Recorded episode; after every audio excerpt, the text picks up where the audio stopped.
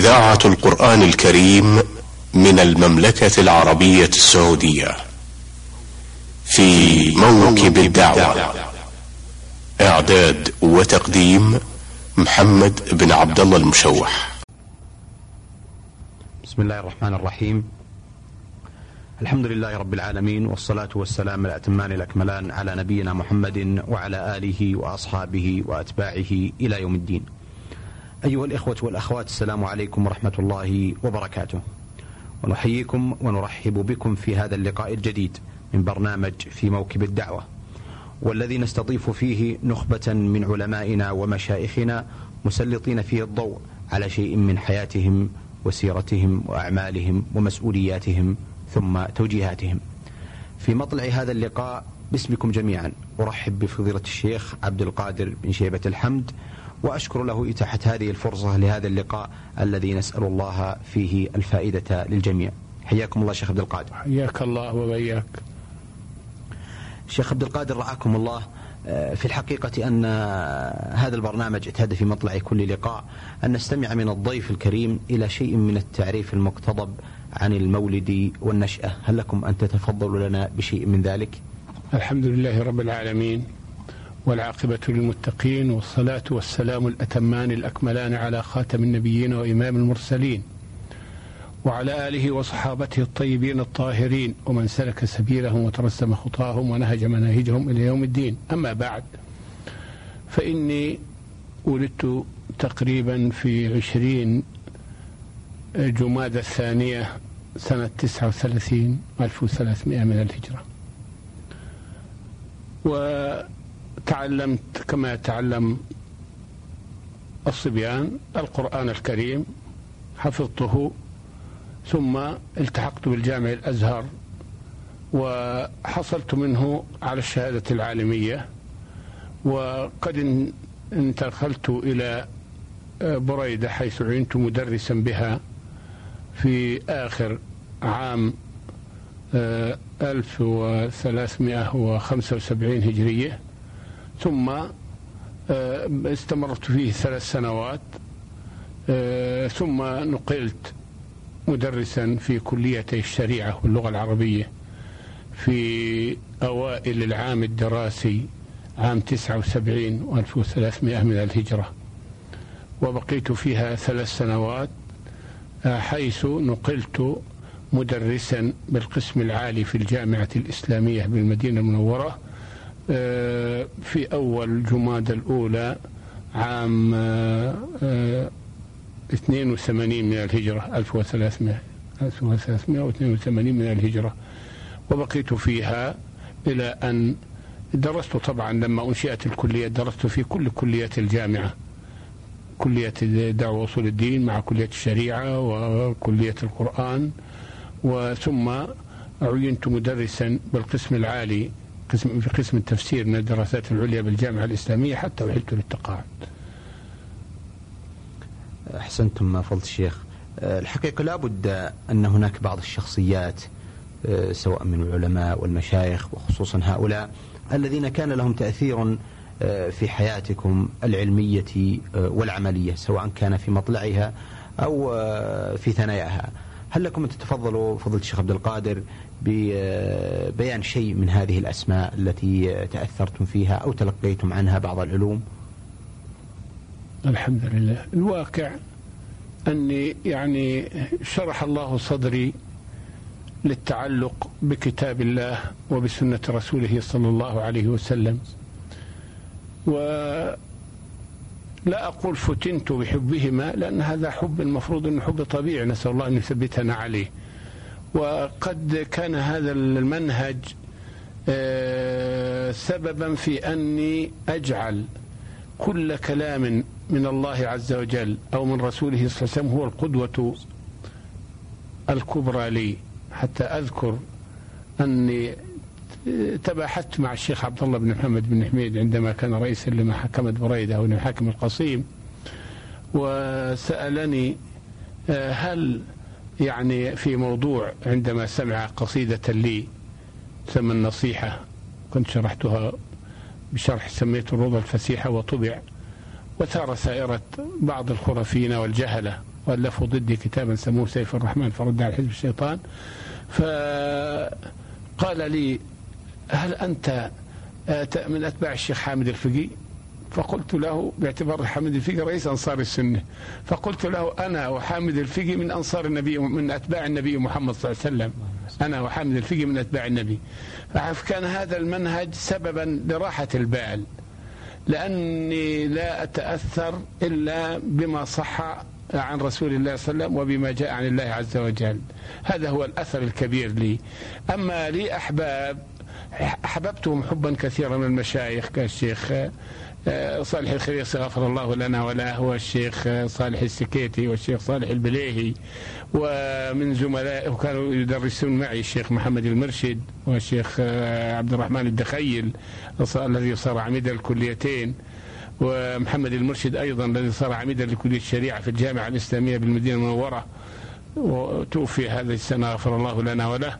وكذلك آه، مجموعة من المدرسين آه، صاروا أحبة لي وأنا حبيب لهم.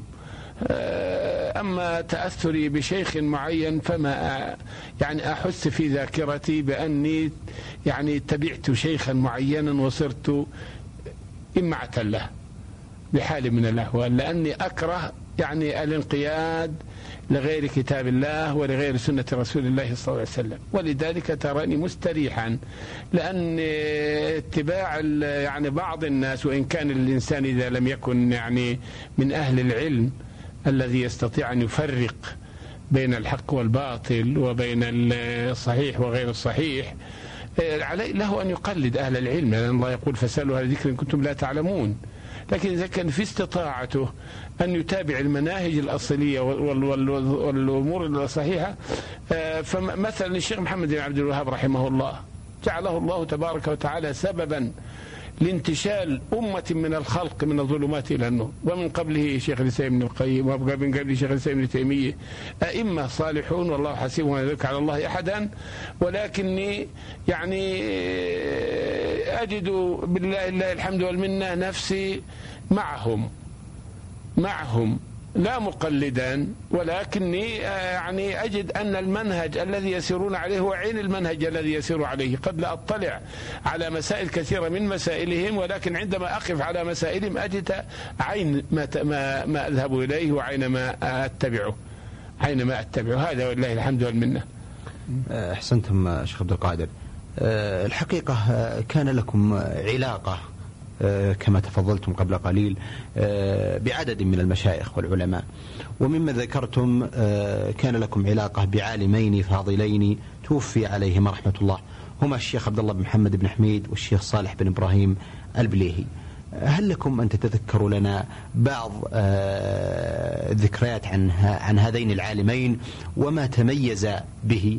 خصوصا أعلم أن لكم تقريرا أو تعريفا بكتاب الشيخ صالح البليهي رحمه الله. الحمد لله. أما الشيخ عبد الله بن محمد بن حميد رحمه الله فكان إماما من أئمة أهل العلم. وكنت ألاحظ عليه ذكاء مفرطا نادرا. ألاحظ عليه ذكاء لا أكاد أجده في غيره. والرجل لا شك أنه كان في باب الفقهيات المتصلة بالقضاء وفي باب العقائد وفي أبواب كثيرة من أبواب العلم لأنه كان يطالع أكثر كتب الناس.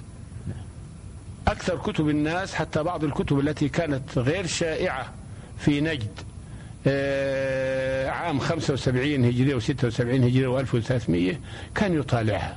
يطالع كل كتب يسمع بها. كنتم تحضرون بعض المجالس التي ما كان لأنه كانت قرايته الخاصة يقرأ عليه بعد صلاة العشاء يغلق الباب ويجلس عنده. أحد تلاميذه وموظف موظفين عنده في المحكمة كالشيخ عبد الله البقيشي وبعض المشايخ يقرون عليه. يقولون عليه قراية خاصة. أما إحنا كان نتحاور إذا يعني صار في مجلس نتحاور معه نتحاور معه وقد لاحظت يعني أضرب مثلا من ذكائه. أه تقريبا أظن عام سبعة أول سبعة وسبعين هجرية أه جئته بعد صلاة الظهر. كان يجلس بعد صلاة الظهر يزوره المشايخ وطلبة العلم وبعض الناس. فجئته وكان في ذاك الوقت هطلت أمطار على بريدة والقصيم. هدمت كثيرا من البيوت. يعني حصل آه، هدم كثير من أن استمر المطر من يوم الجمعة إلى الجمعة التي تليها.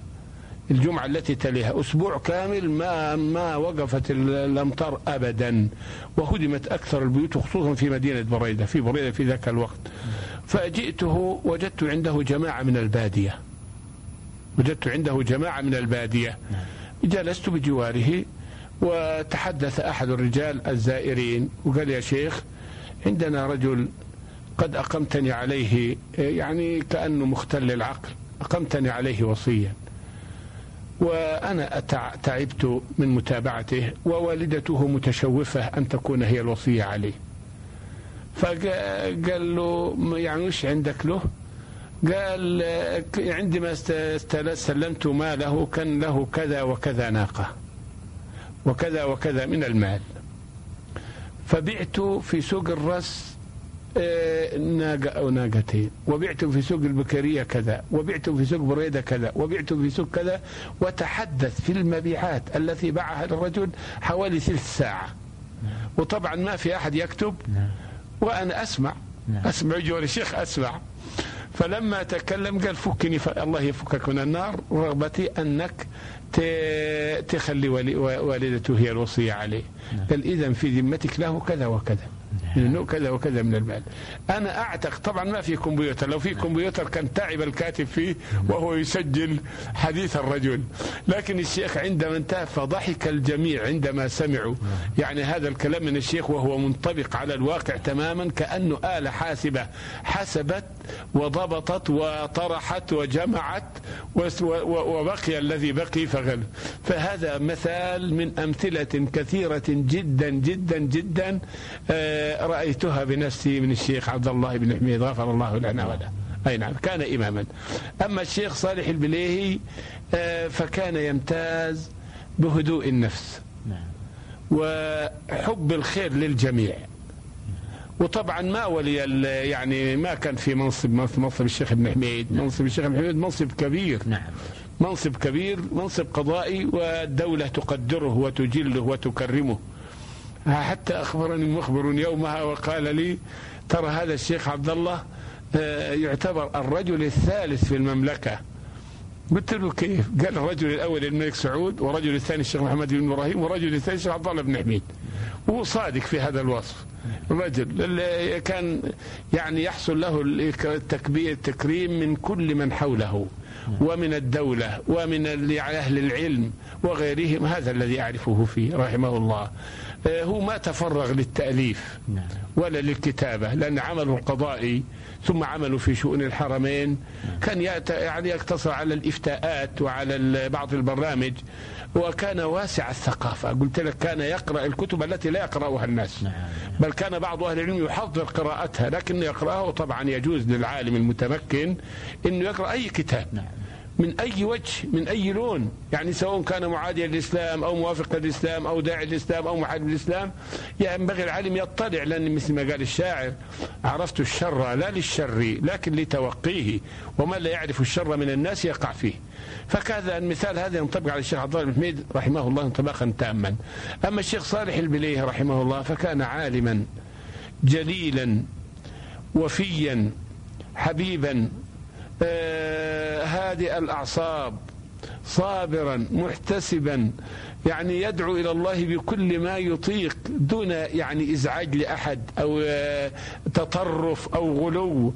يعني كان ماشي على الطريقة الوسطى التي هي على شريعة محمد كنتم خير أمة وكذلك جعلناكم أمة وسطا لتكونوا شهداء على الناس ويكون الرسول عليكم شهيدا. فكان الشيخ رحمه الله يعمل أمور صحيح بعض المتشددين في القصيم في وقته كانوا يستنكرونها. كان المجيء إلى نوادي الشباب. يأتي نوادي الشباب ليعظهم ويذكرهم. وكان بعض الناس في ذلك الوقت لا يرون أنه يجوز للعالم أن يزور هؤلاء أو أن يجلس يعني كان في نوع ما في شك أنه من الشدة من بعض الناس. ما هو من كل طلبة العلم. لكن بعضهم كان يعني يرى أن الإنسان إذا تكلم مع إنسان ما هو يعني شديد التدين أو كذا أنه يعتبر نقص في دينه. ولكن كان الشيخ صالح يقصد رحمه الله الدعوة إلى الله. وعلى بصيرة. ولا يمنعه مانع أن يأتي أي مجلس أو مجتمع ليدعو إلى الله عز وجل. واستمر على ذلك صابرا محتسبا. وأصيب باللقوة هذه عدة مرات التي تصيب وجهه رحمه الله. وكان صابرا محتسبا. وكانت الدولة تحسن إليه يعني كان الأمير عبد الله بن عبد الرحمن رحمه الله آه، برا بوالده إبراهيم البليهي وبرا به وبأولاده. فكان يعني بمجرد ما يسمعون إنه مريض يأخذونه إلى الرياض ويعالجونه لكنه رحمه الله آه، يصبر ويحتسب واستمر على ذلك أنا زرته في آخر حياته رحمه الله آه، جئت من المدينة المنورة لزيارته وجدته صابرا محتسبا راضيا شكورا رحمه الله وأسكنه فسيح الجنة. اللهم آمين. آه، أيضا ذكرتم في ثنايا حديثكم آه، المتقدم آه، علاقتكم بالشيخ صالح الخريصي رحمه الله أثناء عمله في القضاء في بريدة وأثناء إقامتكم للتدريس هناك. تذكرون لنا بعض الذكريات عن الشيخ صالح رحمه الله. صالح البليهي رحمه الله الشيخ صالح الخريصي رحمه الله كان فريد وحده. هو طبعا يعني دراسته على النظام الأول تماما تماما يعني الدراسة على المشايخ غير النظامية حصل من الفقه والعلم والحديث آه، في مجالسه التي ما كادت ما كانت تنتهي في المسجد. يعني في أكثر أوقات الصلاة بعد الصلاة يدرس. وعليه حلقة كبيرة. نعم. عليه حلقة كبيرة كحلق العلماء الأولين. يقرأ عليه في الفقه ويقرأ عليه في الحديث ويقرأ عليه في التفسير ويقرأ عليه في مجالات كثير رحمه الله. آه، وكان يستمسك بالقديم أشد الاستمساك. يعني ما كان يتحمل رحمه الله الأشياء المحدثة الجديدة الأشياء المادية الأشياء المادية ما كان يتحملها. يميل. إلى الزهد كثير. يميل إلى الزهد هذا لا, لا نظير له فيه. يعني أعلم أنه كان إذا جاءته منحة من الدولة لا يبقيها عنده يوما واحدا يوزعها على فقراء طلبة العلم. ولذلك لما مرة أراد أن أن ينقل إلى محل من بيته اللي في جنوب في قبلي بريدة أراد أن ينقل إلى محل آخر قاموا أهل الحي هاجوا قالوا أبدا إما تنقلنا معك ولا تقعد عندنا. إما تنقلنا معك ولا تقعد عندنا. لما يعرفونه من إحسانه رحمه الله. فكان كان وأنا أحبه في الله عز وجل. أحبه حبا شديدا. وأعرف لأني طبعا أنا إذا رأيت الإنسان حتى مستمسك بالقديم أحب إليه من المستهتر بالجديد والقديم. نعم نعم. يعني إنسان عندي إذا كان مستمسك ولو بالقديم وقد يكره شيئا مثلا من الحديث كالميكروفون مثلا أو غيره قد يكرهه. آه، طبعا لأنه جديد نعم. لأنه جديد. والإنسان آه، في ذاك الوقت طبعا. في ذاك الوقت طبعا لا شك ولا ريب. في ذاك الوقت لا شك ولا ريب. ما عاد احد يستنكر الميكروفون بل المستنكر الآن لا يوجد. نعم. لا يوجد الميكروفون. يعني إحنا ندرس في المسجد النبوي ونلاحظ على الميكروفون لأنه هو اللي يبلغ الناس نعم. يسمع الناس. والحين لو أذن في مسجد من المساجد بالميكروفون ما سمع ولا جيران المسجد يسمعون. نعم. الآن الأول كان يقول لبعض الناس في المسجد النبوي الشيخ صالح الزغيبي رحمه الله إمام المسجد النبوي عام سبعين هجرية يقول لبعض المشايخ كان إذا صلى الفجر نسمعه وإحنا في عند المناخة. نسمعه عند المناخة وبدون ميكروفون. قلة الإزعاج. ما في إزعاج ولا بيوت مرتفعة. نعم. ولا بيوت مرتفعة. نعم. والهدوء وقلة الناس أيضا. ما كانوا عاهدوا سوا الآن لو طفئ الميكروفون في المسجد النبوي ما عرفت الإمام أي صلاة أي ركعة هو فيها. نعم. ما تعرف لا ركوع ولا سجود ولا قيام ولا تعرف شيء. يعني هذه نعمة ما في شك أنها من أجل النعم. وكون الإنسان يستكره يكره الشيء في أوله ما يدل على أنه يعني عن جهل أو عن ذا. ما هو دليل جهل. إنما دليل تقليد على يعني حب حب العمل الأولين. حب عمل الأولين لما شافوا هذا الأمر. يعني أنا ما كنت أستنكر من الشيخ صالح هذا الأمر رحمه الله ولكني يعني راح يعني أراه أنه يعني على خير كثير على خير كثير. نعم. أي نعم. رحمه الله. اللهم آمين. شيخ عبد القادر الحقيقة لا شك أن آه، تدريسكم في معهد بريدة العلمي فترة آه، التي مرت به حوالي ثلاث سنوات أيوة. وهي فترة قوية أيوة. في مطلع افتتاح في المعهد. و... وتدريسكم في كلية الشريعة أيوة. واللغة العربية في الرياض وفي الجامعة الإسلامية.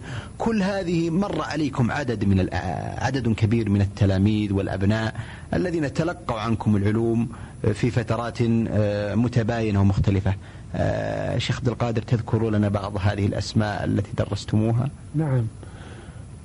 الحمد لله. أما في بريدة فمن أبرز الطلبة درست لطلبة كثيرين هم ما كانوا كثيرين بالنسبة للوقت الحاضر لأنه كان طلاب المعهد يعني ما كانوا عدد كبير.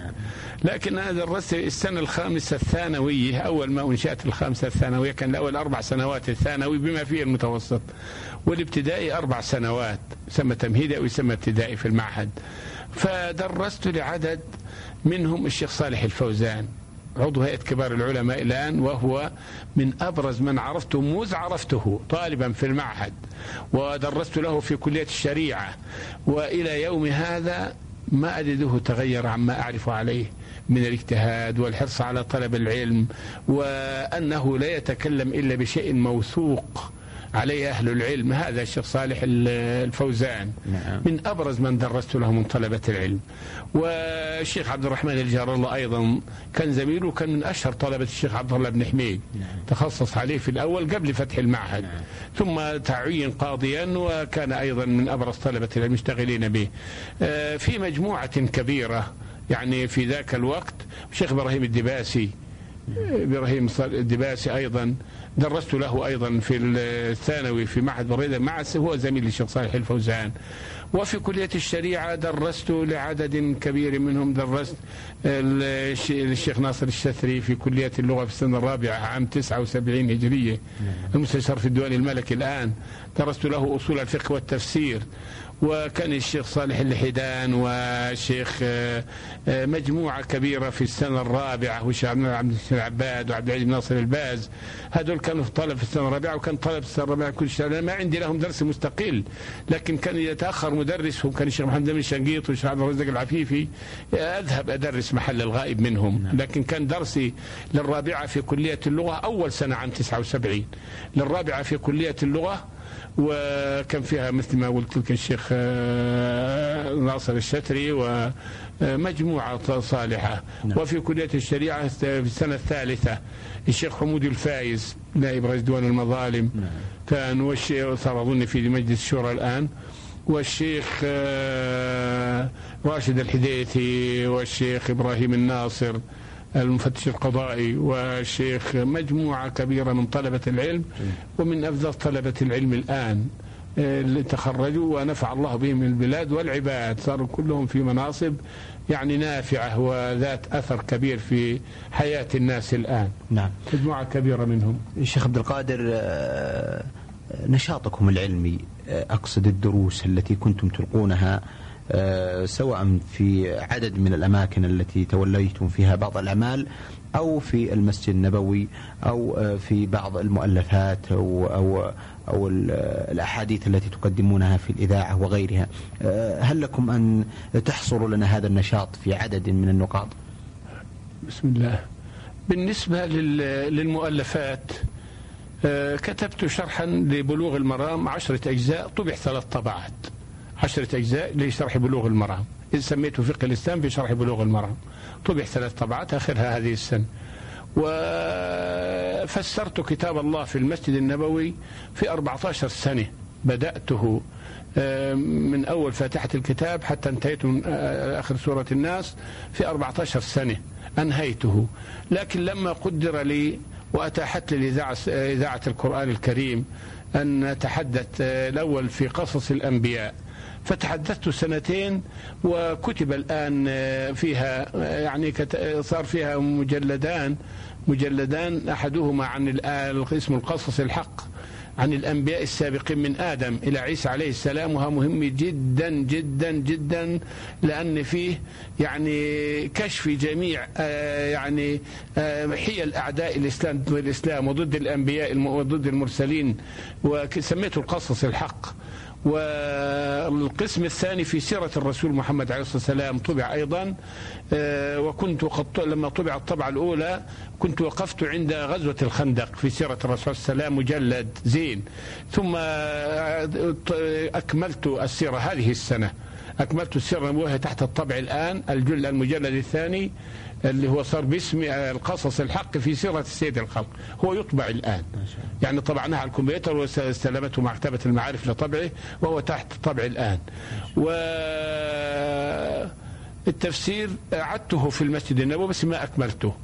وقدر لي منذ سنتين بعد بعد ذلك أتاحت لي أيضا إذاعة القرآن الكريم أن أتحدث ببرنامج كان يومي لمدة نصف ساعة لمدة سنة ثم بعدين صار أسبوعيا لمدة أربع سنوات.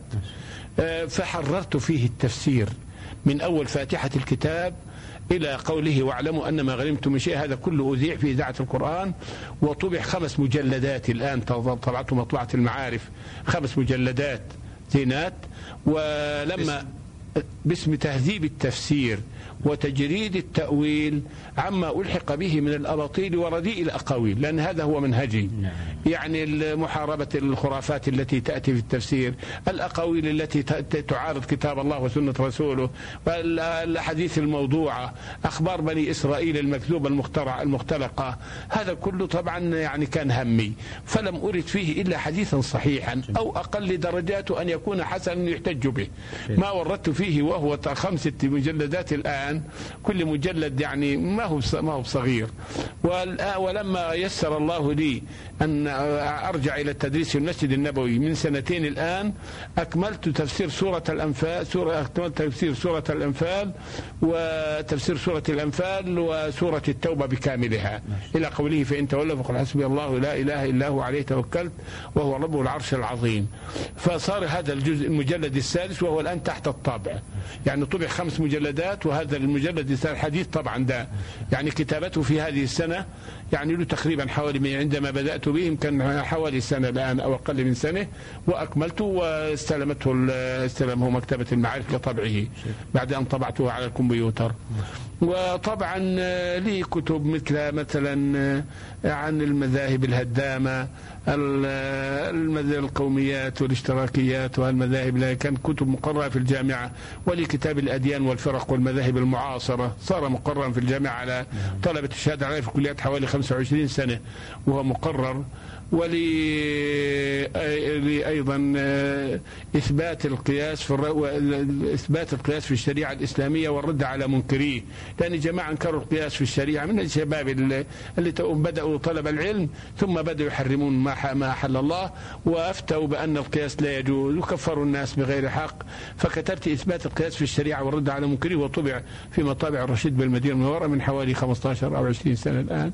حوالي كتاب عن الإسرائيليات في التفسير التفسير كله هو هذا الكتاب نعم. هذا يعتبر مرجع أيوة. حتى رشحته هيئة كبار العلماء للتفسير الموضوعي هيئة كبار العلماء رشحوه ليحضر الجوائز في التفسير الموضوعي على أساس أن أنا إذا تحدثت أي ذكر في آية من الموجود في القرآن أذكر كل ما ورد في هذا الموضوع فيه.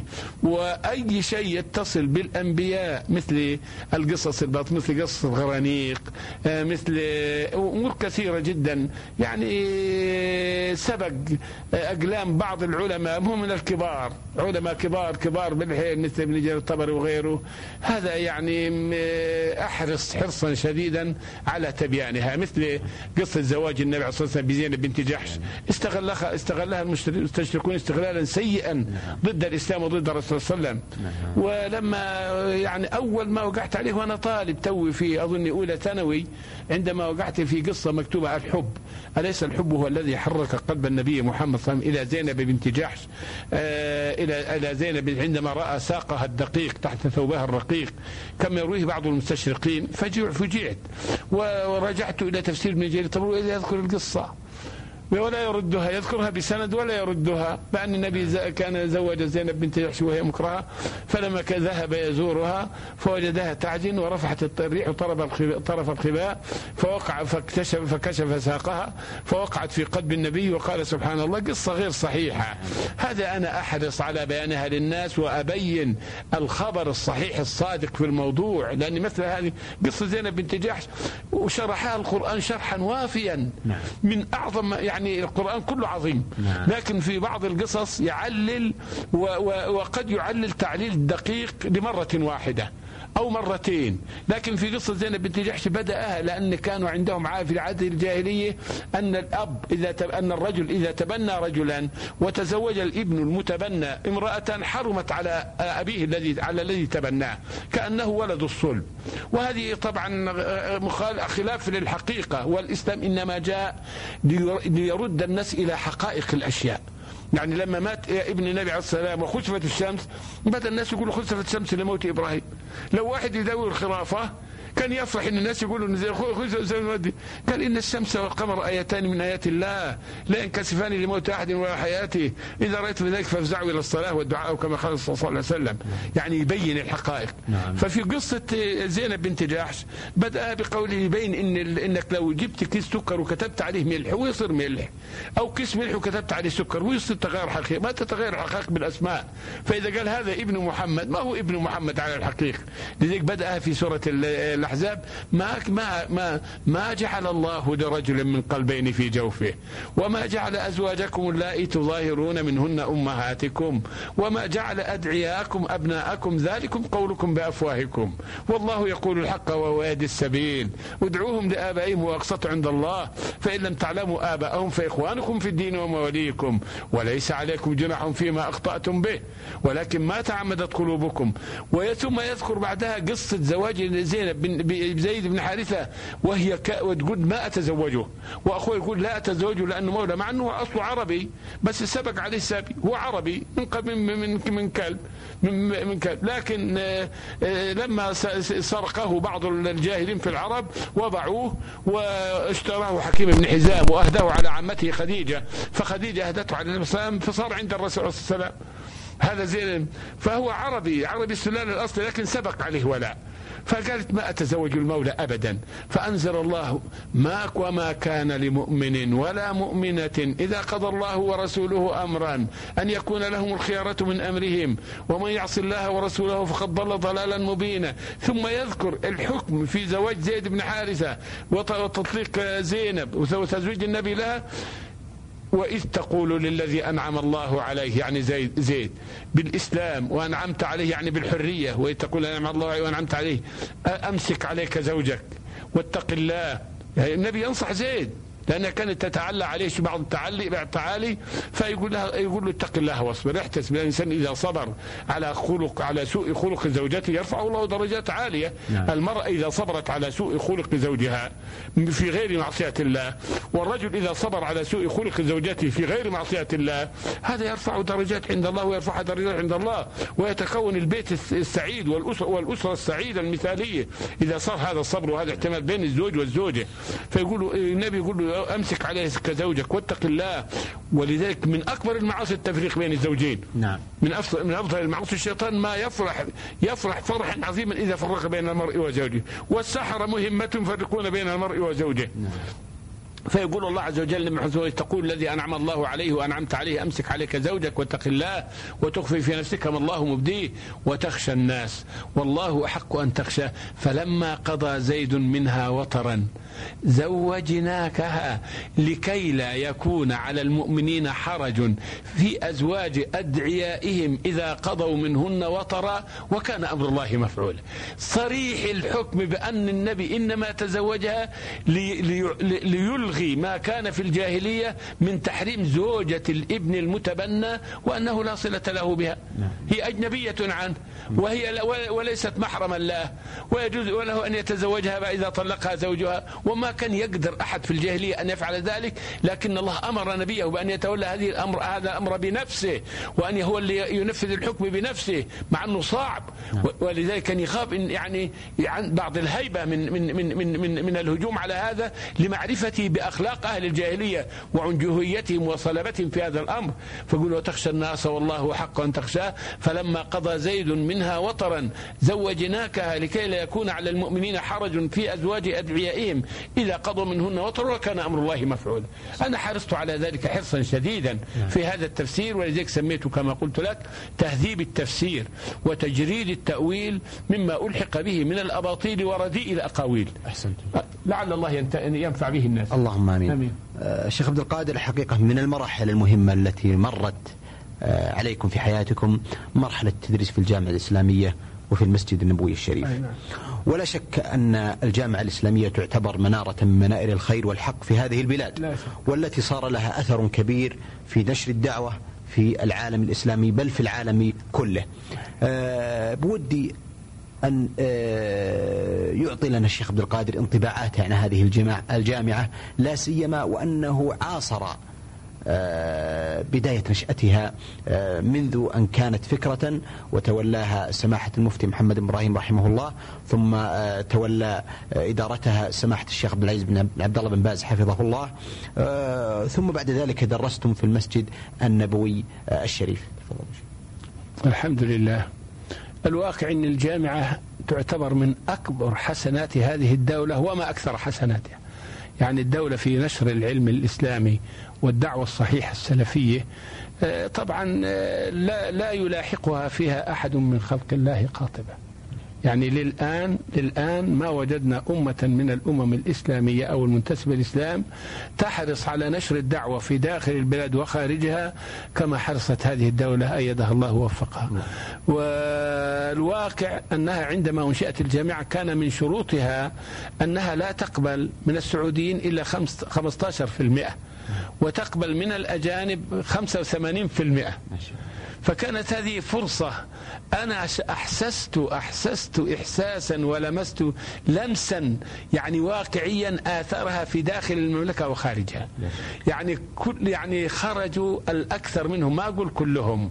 لأن طبعا الأصابع ليست على مستوى واحد أصابع اليد الواحد. الله خلق فرق بين خلق الله بين خلق الله. واحد يجعله الله وعاء للعلم وهو لا يفقهه نعم. ولذلك النبي صلى الله عليه وسلم يقول رب مبلغ رب مبلغ أوعى من سامع. نعم. أوعى من سامع. يعني قد يأتي الإنسان وهو حامل وعاء علم ولكن يعني ما يفقه وعاء يحمل يحمل الألفاظ. نعم. ولكن يفقه معانيها ما يفقه معانيها. لكن قد يذهب بها إلى من يفقه معانيها. رب مبلغ رب مبلغ يعني ما سمع. لكنه عندما بلغه صار أوعى من السامع لفقه الكلام ومعنى الحديث أو معنى الآية هذا لا شك فيه. فالجامعة الإسلامية يعني نفعت نفع حتى ذكر لي الله يغفر له الشيخ حسن بن الشيخ بن عبد الله بن الشيخ وزير التعليم العالي مرة أنه ذهب إلى أوروبا فما وصل إلى دولة أو اجتمع في مجتمع إلا كان أول ما يسألونه عن الجامعة الإسلامية في المدينة المنورة. إلا كانوا يسألون عن الجامعة الإسلامية في المدينة المنورة. فهذا بالنسبة لآثار الجامعة هذا لا شك أثر كبير. صار تخرج منها أئمة ما في دعاة ومنهم عدد كبير الآن موجود في عواصم الدول الغربية في لندن في لندن مذكر حسين وأخوه جم دعاة إلى الله على بصيرة وفي أمريكا وفي غيرها دعاة من أحسن الدعاة الآن. وبالنسبة للمسجد النبوي في الواقع أني لاحظت يعني مما يأتيني من الأخبار أنا علي أتكلم وعلى الله قصد السبيل. يعني أنا ما أدري عن قلوب الناس وأنا علي أن أستعين بالله وأسأله أن يجعل عملي خالصا لوجهه الكريم. فأنا أدرس التفسير ولكني أغتنم الفرص وأهتبلها اهتبالا لأدنى مناسبة لبيان بعض ما يقع فيه بعض العوام في بلاد المسلمين في الشرق والغرب والشمال والجنوب أو بعض الناس في انحرافاتهم عن الإسلام أنا ما أحدد أسماء معينة أبدا من طبيعتي ولكن أذكر قواعد. أذكر قواعد تنفع الناس. آخر دروس في هذه الأيام في الأسبوع قبل الفائت آه، حضر لي مجموعة ضخمة من إحدى الدول العربية الشقيقة. مجموعة دخلوا يمثلون إحدى الوزارات الخطيرة عندهم أو المهمة. نعم. وما دريت ألا أقبل رجل من الحاضرين وهو سعودي وسلم عليه وأنا طبعا ما أمكن الناس من أنهم يسلموا علي بعد الدرس لأنه يتعبوني بعض التعب. فهذا بمجرد ما انتهي الدرس على طول أحاول الابتعاد عن الدرس مع أنه ولله الحمد يحضر أمم ما لها حد يعني في العادة بتمتلئ ما بين الحصوتين كاملتين وأمام الحصوة الأمامية أحيانا والتوفيق بيد الله. والتوفيق بيد الله. وأنا ما أقصد إلا يعني لعل الله ينفع بكلمة لأن الرسول يقول لأن يهدي الله بك رجلا واحدا خير لك من حمر النعم ونسأل الله أن يثبتنا على القول الثابت في الحياة الدنيا وفي الآخرة. فيقول لبعض الناس يعني واحد منهم لزم لزم اللي تكلمني وهو مع هؤلاء الأجانب. وقال لي ودي إنك تتقهوى تعشى معي الليلة قلت أنا ما أتعشى بعد ما أجي بعد صلاة العشاء لأحد فأخذ وهو عزيز علي أنه من جيراني في الرياض نعم. وأخذ يلح علي فلما ذهبت إلى الامه مجتمعا في قصر مجتمع في قصر الاخضر عدد ضخم يمثلون هذه الوزارة نعم. وهي وزارة مسؤولة من أكبر نعم. الوزارات المسؤولة في هذه الدولة فأنا ما استنكرت ذلك لكن بدأوا يقولون لقد ذكرت لنا أشياء ما سمعنا بها في حياتنا ولا كان يخطر على بينا أن يكون هذه الحقائق التي ذكرت. وأنا أردهم إلى الأصول والمراجع. نعم. يعني ذكرت نقول راجع كتاب البخاري راجع كتاب مسلم راجع كتاب كذا راجع كتاب كذا. من من كتب الأئمة الموثوقين اللي ما ينكر عليهم أحد من الناس. يعني مثلا بعض المشاهد في بعض البلاد العربية مثلا يجعلون للحسين مثلا قبر في مصر. وقبر في دمشق وقبر في العراق وقبر في في بلاد النوبة من بلاد السودان. قبة يطوفون حولها ويتضرعون إليها ويسألونها تكشف عنهم الضر وتجلب لهم النافع وهي ما تحتها أحد. أنا مرة سألت من في بعض بلاد النوبة عن هذه القبة قبة الحسين. والحسين جاء عندكم؟ قالوا لا ما جاء عندنا. طب ليش القبة هذه؟ قالوا لأنه عليم. قلت إيش معنى عليم؟ قالوا معناه راح واحد من كبار الناس رآه في المنام في هذه في هذه البقعة في المنام فكما بنى له القبة. والحسين شخص واحد. ما هو معقول يصير في كربلاء له قبر ويصير في دمشق له قبر ويصير في مصر له قبر ويصير في بلاد أخرى له قبر. قبر وبعدين كل هذه إنما جاءت من العبيديين اليهود الذين حكموا مصر أكثر من 200 سنة من عام 351 إلى عام 556 هجرية عندما يعني أخرجهم منها صلاح الدين الأيوبي العبيديين نعم. وفي هذه ال 200 سنة ما كان يسمح بقراءة البخاري ولا مسلم ولا أي كتاب من كتب العلم إلا الكتب اللي تأيد مذهب الباطني.